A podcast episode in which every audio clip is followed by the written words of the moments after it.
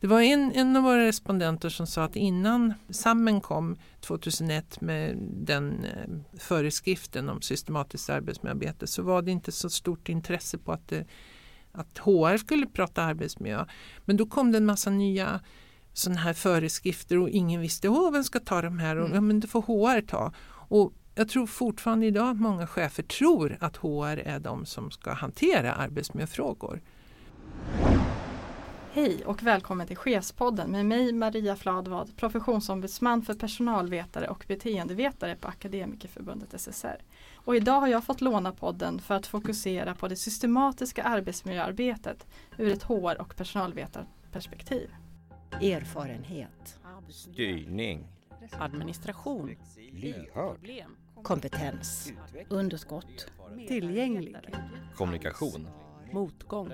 Förtroende. Ansvar. Coachande. Rättvis. Konflikt. Tillit. Arbetsmiljö. Ledarskap. Gäst i dagens podd är Lisa Schmidt, arbetsmiljöspecialist, aktuell med rapporten HR och SAM, Human Resource-funktionens betydelse för det systematiska arbetsmiljöarbetet i kommuner och landsting och regioner. Välkommen Lisa! Tack! För de lyssnare som inte känner till dig sedan innan, kan du beskriva vem du är och din forskningsbakgrund? Mm. För närvarande är jag arbetsmiljöspecialist på Karolinska Universitetssjukhuset. Det har varit i ett och ett halvt år. Men innan det så har jag en lång bakgrund och erfarenhet som arbetsmiljöforskare på IVL, Svenska miljöinstitutet, med tillämpad forskning. Mm. Mm. Vad fick dig att bli intresserad av arbetsmiljöarbetet och dess områden? Det började ganska tidigt. Jag har jobbat som sagt länge med arbetsmiljö men det började egentligen när jag jobbade som läkarsekreterare. Och vi inte fick köpa in höj och sänkbara arbetsbord utan de tyckte, våra kära läkare som var mina chefer då, att vi skulle lyfta upp skrivmaskinen som det var på den tiden på en, på en hård kudde. Och så kunde vi liksom försöka anpassa arbetshöjden på det sättet. För vi var ju olika längd vi som var mm. sekreterare. Och det där gjorde mig både irriterad och intresserad mm. av hur man har olika lösningar för arbetsmiljön i yrkeslivet. Så därför så började jag utbilda mig till ergonom. Och därifrån så hamnade jag på IVL och forskning. Mm. mm.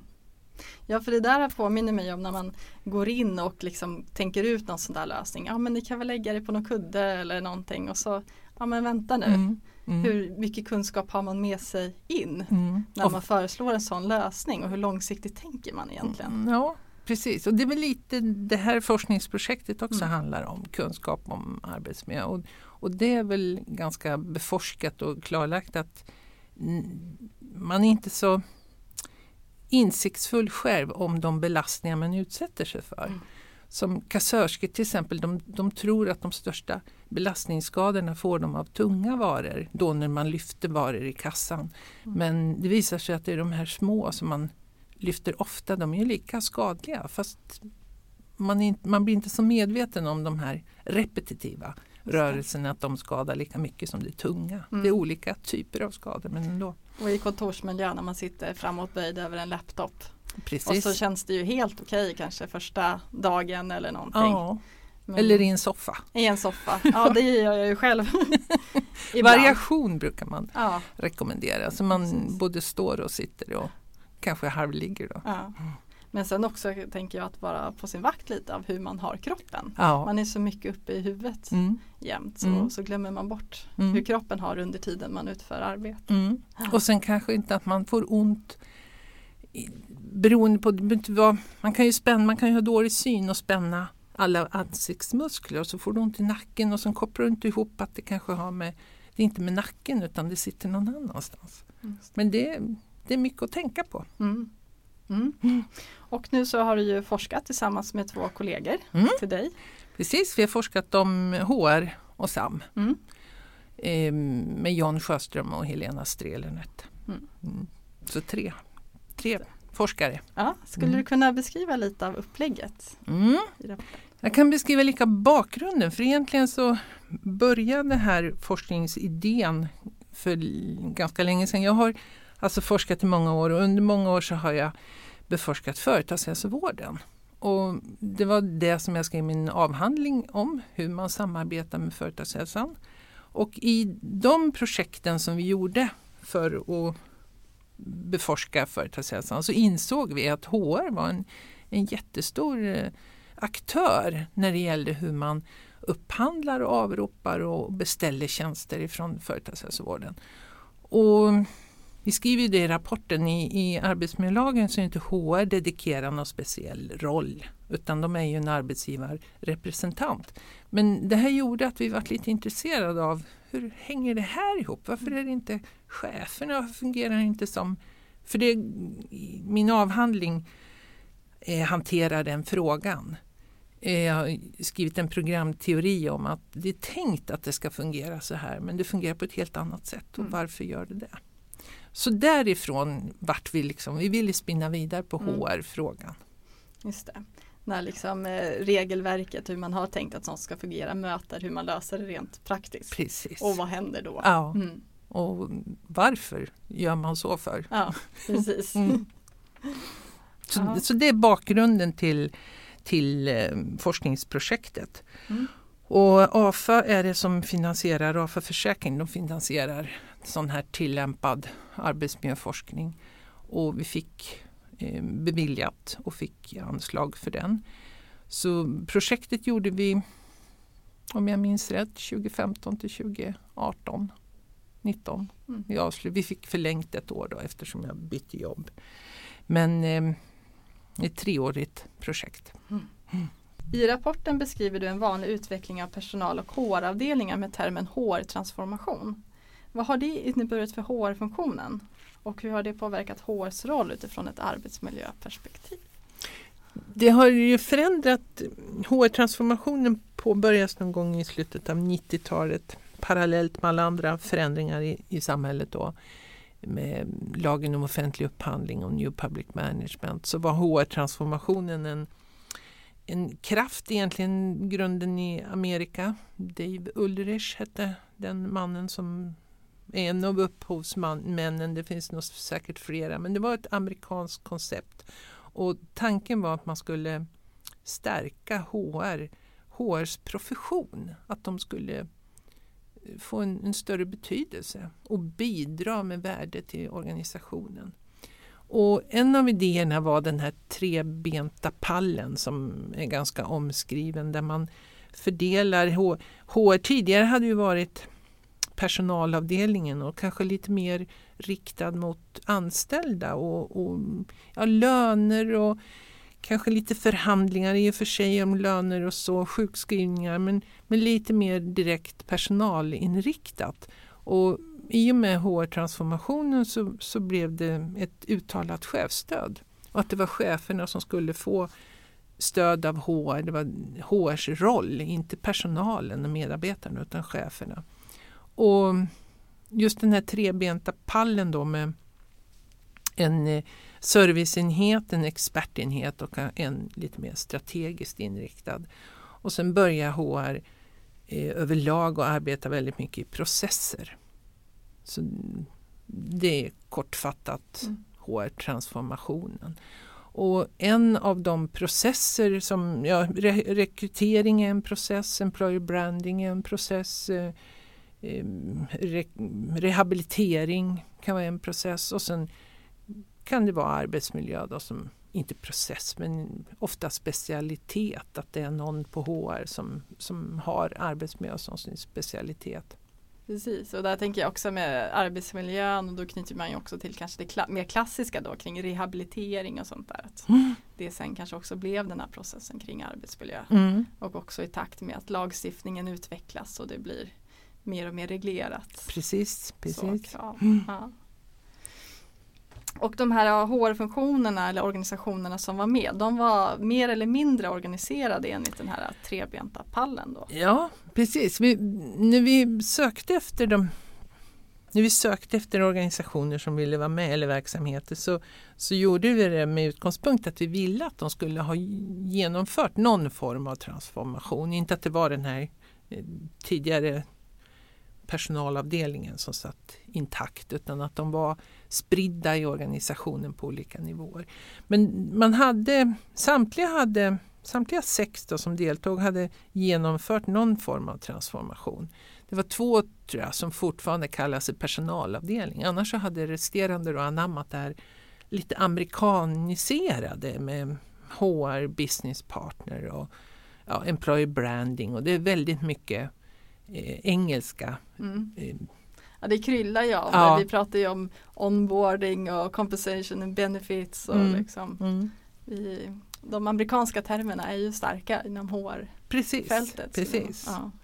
Och um, en annan forskare, Anders Boglind tror jag han heter, han har just beskrivit det här um, oreflekterande kring HR-transformationen, att den är egentligen aldrig Ehm, utvärderad. Utan den, i Sverige så togs den upp av större företag, Ericsson och, och mm, de här som hade kontakter liksom internationellt. Och, och genomfördes och har spritts egentligen mun mot mun-metoden utan att man kanske har reflekterat över vad, vad innebär det här och vad kommer det att bidra med? Och sen har man inte utvärderat det heller, vart det bättre? Utan man, man paddlar på. Mm. Jag tänker också på det, alltså jag tänker att det här att lyfta professionsfrågorna Mm. är ju väldigt viktigt och det är ju någonting som jag i min roll och som vi som Akademikerförbundet SSR också Mm. jobbar med. Mm. Eh, Så det blir såklart väldigt tilltalande också med den här. HR-transformationen. Precis. De har ett mål att nej, men vi vill stärka Ja. professionen. Mm. Eh, samtidigt så vill jag knyta an lite till den här New Public Management-delen som ju oftast lyfts fram som en motsats till en professionsstärkande Ja. rörelse i och med att man ska kontrollera och det ska Ja. vara mycket förbestämda processer och liksom lämna så lite som möjligt åt Mm. nästan, nu hårdrar det lite, åt Mm. den som utför arbetet. Mm. Och gärna peta ut ansvaret också i organisationen. Så Ja. det, så. Och där kommer ju HR in då som chefstöd ut i så de gifter varandra på något Mm. sätt. De, de passar verkligen in. Att det inte är så underligt att de, att de är ganska tidsmässigt parallella rörelser Mm, eller förändringsprocesser. Ja. Mm. Sen tänkte jag med det här HRs roll och kontra arbetsgivarens arbetsmiljöansvar och de Mm. medarbetarna. Det gick du in i då både när du skrev din avhandling men också i den här rapporten. Mm. Lite flyktigt i Mm. avhandlingen då med koppling till hur man använder företagshälsan. Mm. Men här var det med att vi fokuserar just på hur, hur ser det ut och, och vad betyder vad får det för betydelse? Mm. Så hur ser det ut? Ja, det, hur, hur, vad fick ni för bild där?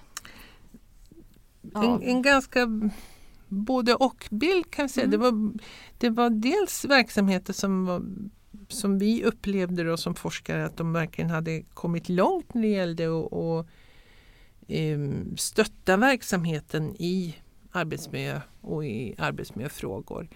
Medan det var andra då som inte hade samma, ja, samma kunskap och, och intresse för att vara i arbetsmiljöarbetet.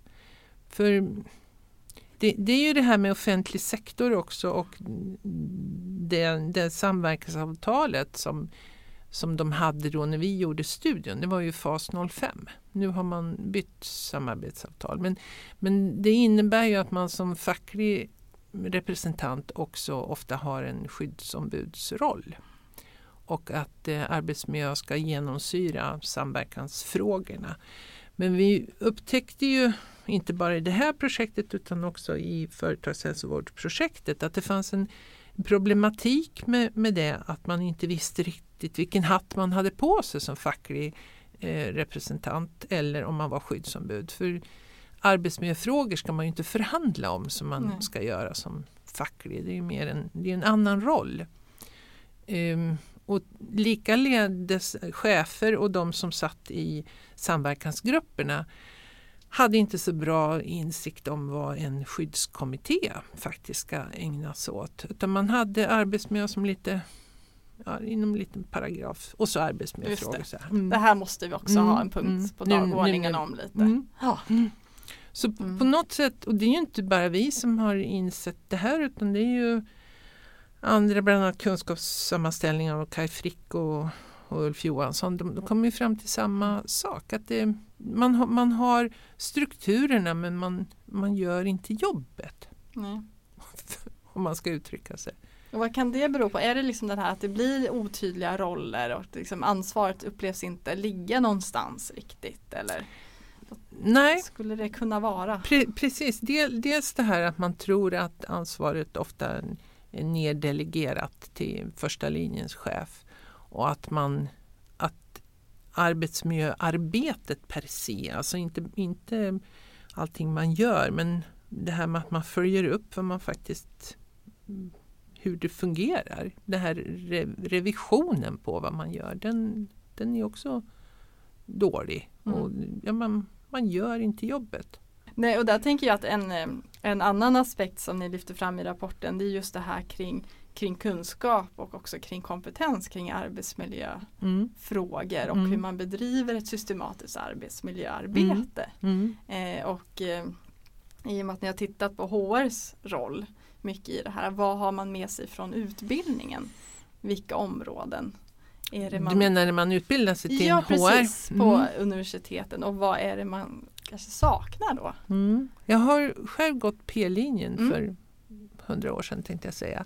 Men vi läste ju inte ett ord arbetsmiljö. Vi Mm. läste mycket administration och chefs eh, och utveckling och sådär. Men ingen inget arbetsmiljöarbete. Och många HR-representanter i, i rapporten säger också det att arbetsmiljö är inte vårt område utan det, det ska chefer och samverkan klara av. Men man är inne i vissa delar och stöttar och tycker att det är HR-frågor men inte det andra. Och det här tror jag också bidrar till att man blir lite osäker på vad som är vad. Det var en, en av våra respondenter som sa att innan, innan det vart ett, när SAM, SAMmen kom 2001 med den eh, föreskriften om systematiskt arbetsmiljöarbete så var det inte så stort intresse på att, det, att HR skulle prata arbetsmiljö. Men då kom det en massa nya sådana här föreskrifter och ingen visste Åh, vem ska ta de här och Mm. ja, men det får HR ta. Och jag tror fortfarande idag att många chefer tror att HR är de som ska hantera arbetsmiljöfrågor. Och det blir liksom lite mishmatch med, det, med den här samverkansavtalet, för Mm. nu pratar om offentlig sektor. Samverkansavtalet som är lite otydligt då för arbetsmiljöfrågorna och så är det lite otydligt vem som egentligen ska hantera det här. För ar- HR är inne i en del arbetsmiljöfrågor som rekrytering eller som ja, rehabilitering, sjukskrivningar, löneförhandlingar och arbetstid och, och sånt. Där är man ju inne. Men inte i de här andra som man ska göra skyddsrom, de fysiska och belastningar och kemiska frågor. Där kan ju inte HR. Nej. Och det du lyfter fram också inköp av eh, eh, verktyg eller mas alltså maskiner eller någonting. ja, Jag tänker och till, anpassa. ja, precis. Bara om man ska köpa in en ny kopiator och var placerar man den om man är i en kontorsmiljö eller, Mm. Mm. eller om man är någonstans där man tillverkar eller hanterar risker på ett eller annat Mm. sätt. Då. Mm. Ja. Jag är ju också utbildad personalvetare men jag gick ju lite senare då eh, på 2000-talet. Ja, Eh, sådär. Och vi läste väl arbetsmiljö men det var nog inom arbetsrätten tror jag mycket. ja. Och sen så inom arbetspsykologin också. Mm. Men då är man ju där i de här sociala, organisatoriska Precis. och psykosociala faktorerna. Precis. Det fysiska med ergonomi, vi kanske hade någon föreläsning Mm. möjligtvis kring, Mm. kring ergonomi men inte så mycket mer som jag minns. Nej. Men sen, sen upptäcker vi också då i, i där, och som vi skriver om i rapporten att det är ofta HR som eh, organiserar och hanterar utbildningarna till cheferna.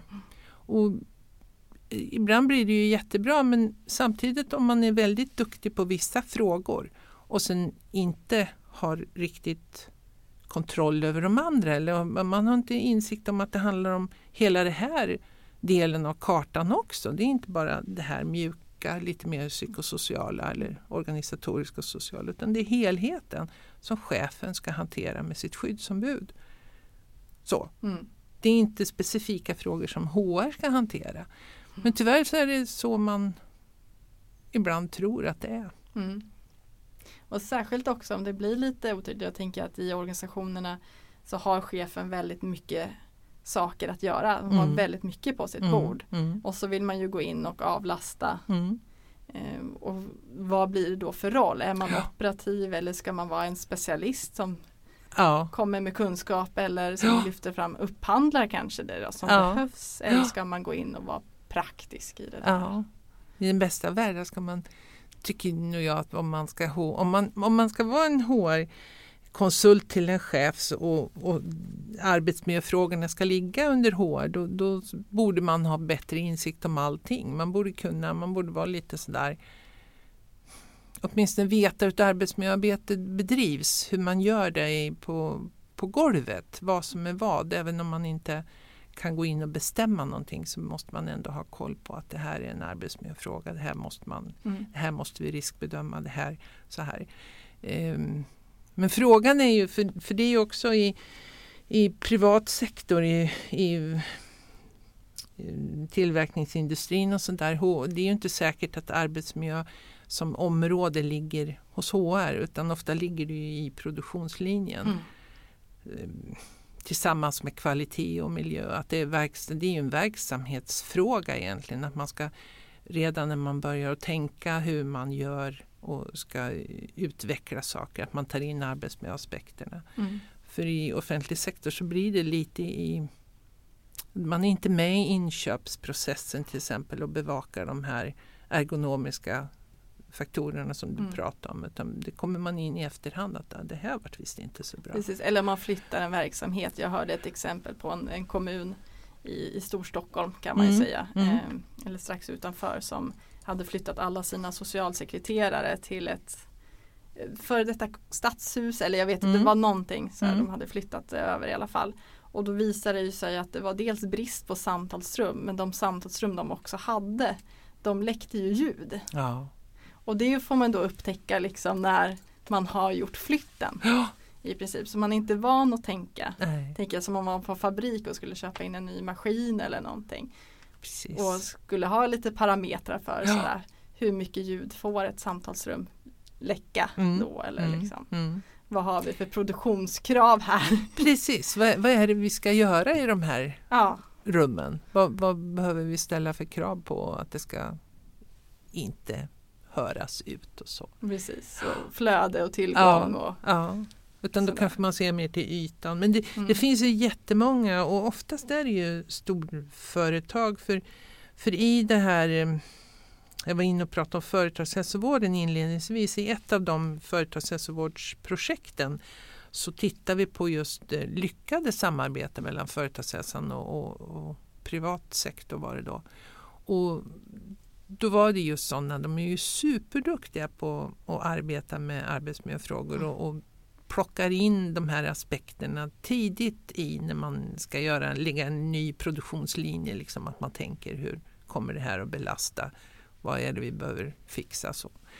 Men, men det har vi tyvärr inte sett i offentlig sektor att man har den man har inte det tänket riktigt. mm. Att man, jag vet inte om det är en kunskapsbrist. Jag, jag tror det. Mm. Jag tror att det hänger ihop det här med att man tänker att det är någon annans fråga. Just det. Mm. Och kanske också att man ser, men nu kanske det blir spekulativt från mig, men att det är mer människor man både jobbar med i kontaktyrken och som man utför. Mm. Eh, och människor är ganska anpassningsbara och flexibla Ja. på ett sätt som andra delar kanske inte är om Nej. man skulle tillverka någonting. Och det, det är lättare kanske att, att räkna svinn på produktionsmateria Mm. som nya bilar, nya verktyg eller något sånt där jämfört vad det är med sjukskrivningar. Man förstår kanske inte kopplingen att det är där det, det. det, är där det syns. det blir den klassiska, men personen har nog ganska mycket att göra hemma. Precis, precis. Ja. Livet. Livet, precis. Sådär. Ja, men arbetsmiljön Mm. på Mm. jobbet då Mm. också. Mm. Men jag vill fortfarande uppehålla mig lite kring det här med eh, kunskaper och så här. För jag, när jag läste den här rapporten så var det så här, okej men jag är jätteglad att man äntligen fokuserar just på HRs roll för den är Mm. ju väldigt Mm. speciell som Mm. du skriver. Liksom. Man har ingen ansvar utifrån arbetsmiljölagstiftningen men man är ofta med in antingen som Mm. specialist eller som då mer operativ i Mm. mycket arbetsmiljöfrågor. Eh, men kanske då inte ser helheten. Eller det såg vi ju. Eh, och då var jag så här, tänkte men vad skulle man då kunna ha för utbildningar eller komplettera om man nu känner så här men jag är Mm. HR-människa, jag jobbar med det, personalvetare. Jag Mm. skulle vilja ha koll på de här Mm. andra delarna också som Mm. behövs. Vi, jag tänker det- det beror ju helt på vilken verksamhet man är Mm. i, vad man behöver kunna. Men en, jag vet ju att Arbetsmiljöverket har ju suveräna sidor kring olika branschinriktningar. Vad, vad man behöver för afsar för de olika så här, Ehm, och det är ju jättebra att sätta sig in i så man vet att det här är de, det här regelverket som vi behöver när det gäller arbetsmiljö. Men sen tror jag det, det de vi pratar med som var som hade insikt och som jobbar strategiskt med arbetsmiljöfrågor, de hade ju hittat egna Mm. kurser och utbildningar och läst och förkovrat sig själva. För i nuläget, vi gjorde ju någon liten, en liten översikt över hur det såg ut i nuläget. För jag visste ju det utifrån min utbildning. Det stämmer det du sa med, med arbetsrätt och det här. Det, Det fanns någon liten det, fanns, det fanns även på min tid. Ja. Men just det här med hur, hur arbetsmiljöarbetet bedrivs Mm. och hur det faktiskt ska fungera. Mm. Ehm, för, för som HR har man ju också, man, är ju även, man har ju det ansvaret som medarbetare att man ska bidra i arbetsmiljöarbetet. Men det är också en låg kunskapsnivå på det. Man, man tror alltid att det är någon annan som ska hantera det. Mm. Men vi, är ju alla, vi ska alla bidra till att det blir bättre på jobbet. Precis den här klassiska, vi är varandras arbetsmiljö. Ja, ja. Eh, och- Mm. Och, inte, och inte titta åt ett annat håll om det dyker upp någonting utan man faktiskt ska signalera och man ska, man ska vara aktiv och ja, bidra. Mm. Göra det bästa möjliga. Mm. Det är en skyldighet vi har. Mm. Det är inte bara arbetsgivaren man kan sparka på om det inte funkar. Nej, utan alla måste ju vara aktiva Mm, någonstans. mm. Eh, Jag gick en sån här brandskyddsutbildning i, på min förra jobb. Mm. Eh, och där gav de ett exempel att det var en organisation, jag tror det var i privatsidan i och för sig, Mm. som där de satte ut nya brandsläckare och så här, de införde ett nytt sätt Ja. att eh, sköta det här med utrymningsledare och sånt där. Då sa de att en arbetsuppgift som alla har, det är att när man går från entrén till Mm. sin arbetsplats, som var ganska Mm. stor, så ska man titta till brandskydd, Mm. brandsläckare och allting Mm. på vägen och man Mm. ska vara orienterad i det där.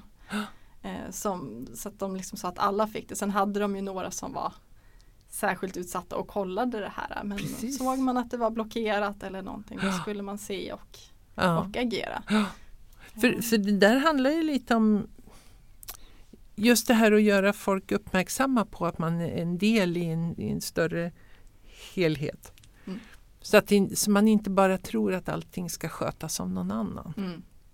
Ehm, men, men för att återknyta till HR så tycker jag nog att det, det, det är kunskap och det är inte bara HR. Chefer behöver också väldigt mycket kunskap om arbetsmiljö och eh, just hur man jobbar med arbetsmiljöfrågor. Jag, jag är ju så nö- arbetsmiljönörd. Jag tycker det är så roligt med arbetsmiljöfrågor för det är så utvecklande och det kan, man, man vill ju bara hela tiden förändra till det bättre. Men tyvärr så är väl den allmänna uppfattningen om arbetsmiljö att åh, suck, så. Mm. Det, det är bara en massa paragrafer och jobbigt men det, det är kul. Men det gäller väl att kanske koppla då alla de här paragraferna och skyddsföreskrifterna till ja, men hur ser det ut hos oss. Precis. Men sen också vara liksom Ja man behöver ju ha kunskapen också för att se. Mm. Man blir dels lite hemmablind men Ja. också bekväm tänker Ja. jag. Oavsett vilken nivå eller vad man jobbar med på en organisation. Ah, men så här Jo. har vi ju alltid haft det. Ja. Lite. Men, men man kan ju hjälpas åt. Mm. Man, man kan ju, för just att bli hemmablind, det, det blir vi ju alla på. Man ser inte sina egna eh, problem men då kan man ju hjälpa varandra. Man kan ju som skyddsombud eller så, man kan ju gå in till en annan avdelning och hjälpa till och se med nya ögon. Och man kan växla om så, så att det blir så man har lättare att se problemen än det man behöver se kanske. Mm. För det, det håller jag med om. Det är lätt att rulla på i de hjulspår man har och så ser man inte vad som händer och så. Men mycket är ju arbetsmiljöarbetet ska ju vara mycket förebyggande. Man ska ju tänka efter innan man gör de här inköpen och, och planera bättre så man vet hur vem ska använda det här. Vad har de för förutsättningar? Vad, vad, så. Och, och försöka främja hälsan också. Att det att det blir bra för de som ska använda.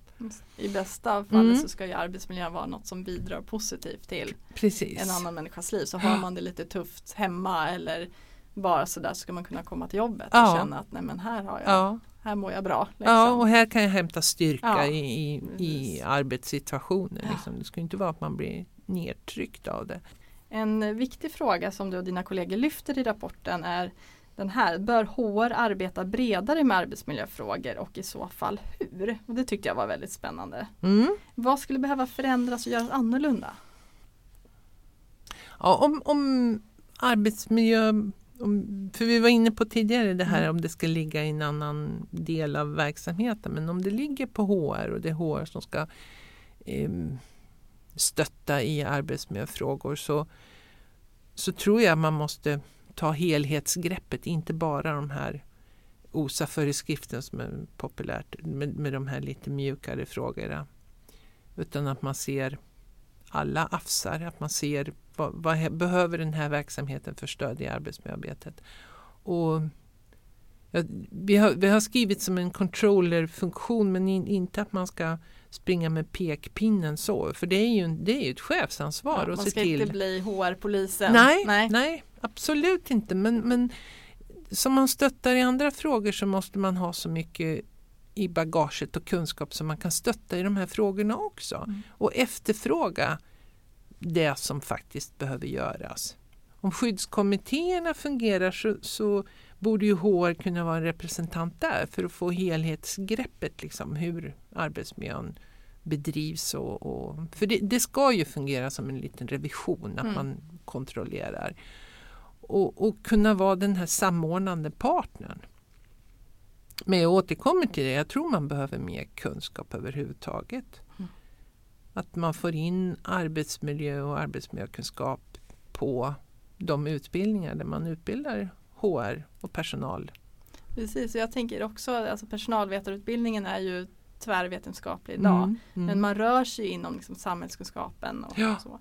Eh, och när jag började titta inför att vi skulle ses Mm, och, och prata om det här så började jag söka på liksom arbetsmiljöingenjör eller mm, lite mer då mm, eh, kurser och sånt där som jag förknippar då med den här lite mer fysiska arbetsmiljön och liksom det här med systematiken. mm. Och då ligger ju allting nästan inom naturvetenskapliga ämnen och det verkade väldigt svårt Alltså man kan ju Mm. inte läsa kanske 180 poäng till för att kvalificera sig för att få gå den här kursen. Nej. Så då började jag drömma lite så här, tänk om man kan gå en tvärvetenskaplig kurs då, Ja. som personalvetare och sen ska man kunna plocka några kurser ändå Ja, från det naturvetenskapliga ja, fältet. Ja. liksom. ja jag, tror, jag tror inte det finns någon, någon sån här färdig. det blir en utmaning för de som sätter ihop eh, utbildningar. Ja. För, för det är likadant där arbetsmiljöingenjörer är också lite bristvara. Mm. Och en, en kompetens som behövs i, i många avseenden kring just de här, framförallt de här sy, mer fysiska mätningar och, och förhålla sig till buller och ventilation och ljus och ljud och så. Men eh, kombinationen, Ja. nej, de- någon får tänka till Ja, precis. kring ett Det nytt. skulle ju vara intressant för jag Mm. tänker också att det är just det när, där människa och beteenden möts med det här buller och det fysiska Mm. så kan det ju bli väldigt spännande och vi Mm. har ju också kring neurokognition, det är ju mycket forskning som kommer nu också. Ja, ja. MTO pratar man ju Ja. om på KTH, det jag har utbildat mig då, människa, teknik och organisation. Mm. Och det, hur, hur de kan samverka tillsammans. Och det är, det är en bra utgångspunkt för det är, det är ju arbetsmiljö, Mm. ergonomi, liksom, hur, hur bästa av världar och få det att fungera. Och det kommer det ju bara bli mer och mer av också tänker jag. mm. Och sen, sen blir det ju mer gränslöst så att vi inte kanske träffas alltid när vi arbetar. Och det, det är också en, en del i det här hur man ska få arbetsmiljön att fungera om inte chefen är på plats utan man jobbar på distans eller ja, det finns ju massor med digitala lösningar och det är ju, det är ju positivt i sig men då måste man ju också tänka som, som arbetsgivare om vi fortfarande ett arbetsmiljöansvar Mm. och hur det fungerar när man är på distans. Så man tillgodoser allting som, som man har ansvar för. Och också hur man orkar tänker jag som arbetsgivare när man har så mycket olika Mm. uppgifter pålagda som chef. Ja, Du nämnde ju också det här i början av vårt samtal om att eh, med första linjens chef så, här, så tänker man högre upp att nej, men vi har nog delegerat ansvaret dit också. Helt fel. Ja, precis. En, och så ska någon väl... där nere springa och liksom jobbar jättemycket. Ja. Och liksom. Fast det, det, det verkar vara en sån här eh, sånt här generalfel som det är många som tror att det, det är så. Mm. Att man delegerar ner ansvaret men man delegerar uppgifterna. Mm. Ansvaret för uppgifterna är något helt annat. Och även om man har delegerat de här uppgifterna neråt så har man en skyldighet att följa upp. Precis, man kan liksom inte bara man har delegera under situationstecken och sen släpper man det och så känner man att ja, nu var det klart. Liksom. Nej. Nej. Man har alltid en skyldighet att följa upp mm. hur det fungerar. Och sen får man ju det, de uppgifterna men då ska man också ha resurser och eh, mandat för att kunna utföra. Mm. Annars så, så, faller det sig. Men det faller ju naturligt. Kan man inte, har man inte resurser att utföra det, de uppgifterna man har fått sig ålagt då har man inget, då mm. kan man varsågod tillbaka. Eh, när jag läste din rapport eh, och eh, utifrån den roll jag tidigare haft när jag jobbat som HR-ansvarig så kände jag att det finns likheter mellan det som vi kallar för första linjens chef och ibland då att va vara en HR-person och jobba på en HR-avdelning mm. där man då har fått utförandet av arbetsmiljöuppgifter på mm. sig. Mm. Men där man saknar kanske mandatet eller möjligheten att faktiskt göra det som krävs. Ja, ja och det, det, är väl också en sån där avvägning var HR egentligen borde göra. Mm. Och kanske sätta ner foten mot chefen att det här är ett chefsansvar. Det här, det här ligger i din korg. Det här är du som chef som ska göra. Jag kan stötta och rådgöra och bistå men det är du som ska göra uppgiften. Mm. Men eh, det ser vi också att, att man som HR ofta vill man vill gå in och stötta kanske för mycket mm. som man tar över. Just det, det, det blir lite kontraproduktivt ja. att man mm. liksom mm. Ja men jag ser att du har så mycket att göra så Precis. nu ska jag gå in och, ja. och det, fixa det ju... lite här men så blir det inte bra i längden. Nej, nej, nej, och kanske att det bidrar till det här att cheferna tror att det ligger någon annanstans. Mm. Att det är HR som, det är en HR-fråga det här med arbetsmiljö. Just det. Nej. så man skulle kunna renodla det lite granna tänker jag, rollen mellan HR och chefer. Ja.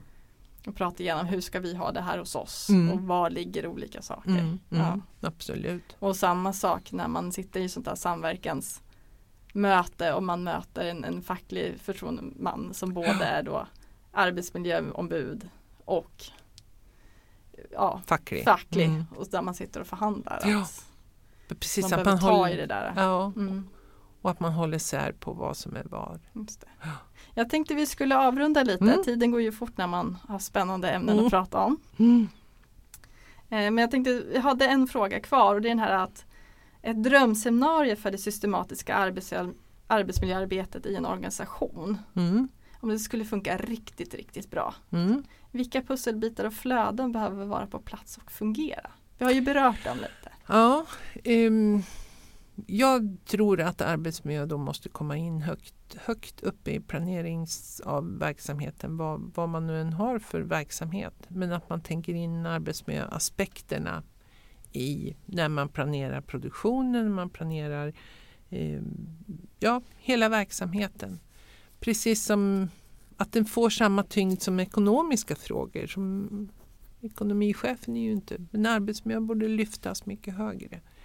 Och sen, sen, är det ju ett arbete som vi alla måste bidra till. Det tror jag också en, en, man tror att det är någon, annan, någon annanstans som ska ta de här frågorna. Men, men att vi alla ska bidra i arbetsmiljöarbetet och att det, det är din chef som, som är ansvarig så för att göra de här uppgifterna. Men chefen har ofta en chef också som mm. har sin del i kakan. Så att man ser den här strukturen, hur det faktiskt är tänkt. Flödet uppåt med information och mm. fram och tillbaka. Och läsa på också om skyddskommittéer Absolut. och vad man faktiskt ska göra ja. där. Ja. Jag tror det är en grundförutsättning kanske mm. att man förstår systematiken. Ja. Mm. Tack så mycket Lisa. Tack. Nu så äh, tänker jag så här, nu har vi precis avslutat den här rapporten. Mm. Den kom ju för en stund sedan och ni har fått mm. ganska mycket publicitet också. Mm. Mm. Eh, har du något kommande forskningsprojekt på gång? Nej, tyvärr inte just nu. Nej, Inget i pipeline. det blir lite sommarsemester. Och, Ja, Mm. man ska faktiskt inte skriva någonting i sommar. Är första sommaren på väldigt länge som jag, är, som jag har bestämt att nu ska jag inte skriva. Inga Mm. artiklar, ingenting. Jag ska ha semester. det låter väldigt skönt och väldigt välbehövligt. Så. Om någon av våra lyssnare skulle vilja komma i kontakt med dig, om man har någon följdfråga eller Mm. Mm. kanske uppslag då på någon forskning Precis. som behöver göras. De är välkomna. Har, har ni kontaktuppgifterna eller hur kan de vända sig till er? Och Det skulle de kunna göra. Mm. Absolut. Mm. Så kan vi vidarebefordra till dig. Precis, det tror jag är det bästa. Ja. Så får man kontakt den vägen. Tack Lisa för, eh, för samtalet och att Mm. du tog dig hit. Mm. Tack för intresset. Chefspodden görs av Svensk chefsförening och Akademikerförbundet SSR.